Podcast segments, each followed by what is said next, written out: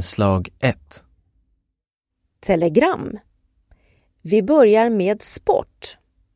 Oskar Widegren tävlade förra veckan i EM i judo för personer med synnedsättning i Rotterdam, Nederländerna, där han kom på femte plats i den individuella tävlingen. Eftersom Widegren var den enda representanten för Sverige så tävlade han också i ett mixlag med deltagare från olika länder. Laget vann alla sina matcher, vilket ledde till att de tog EM-guld. Idag den 23 augusti börjar även VM i judo för personer med synnedsättning i Birmingham, England. Här tävlar också Widegren och vid denna tidnings publicering har vi ännu inga resultat. Oskar Widegren, hemmahörande på Ekerö, har tidigare tagit flera internationella medaljer. Det är fler körkort som dras in av medicinska skäl. Första halvåret 2023 var det mer än 3 000 stycken, vilket är en ökning med 13 procent jämfört med 2019.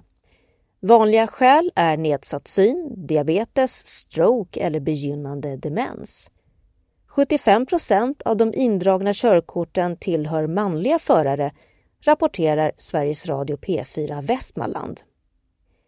Den här överrepresentationen gäller även för alla indragna körkort där män står för 81 procent av fallen. I Sverige finns det cirka 6,9 miljoner körkortsinnehavare.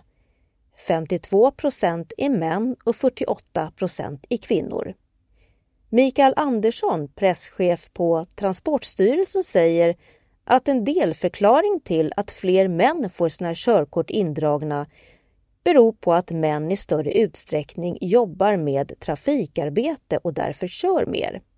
Statistik från Transportstyrelsens olycksdatabas Strada bekräftar den här bilden.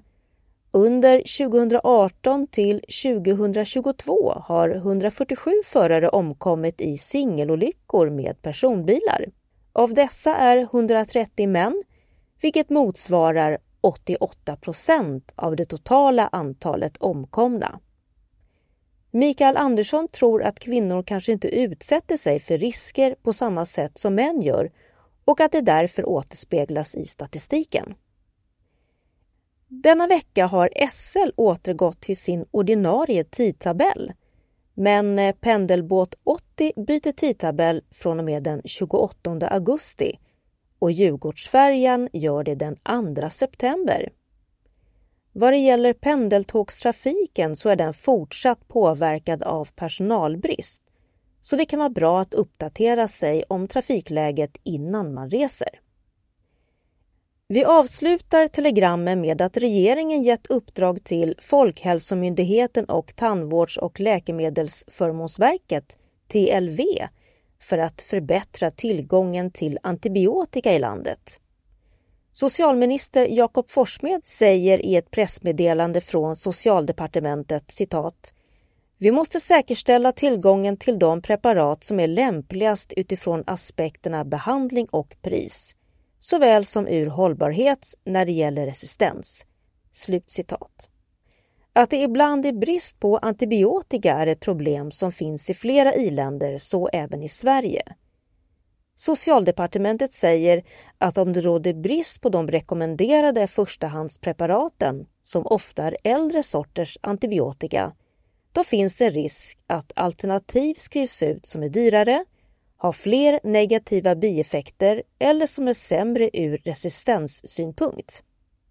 Folkhälsomyndighetens uppdrag är att genomföra en förstudie om en ny ersättningsmodell där läkemedelsföretag får ersättning för att tillhandahålla ett buffertlager av prioriterade äldre antibiotikaprodukter på den svenska marknaden.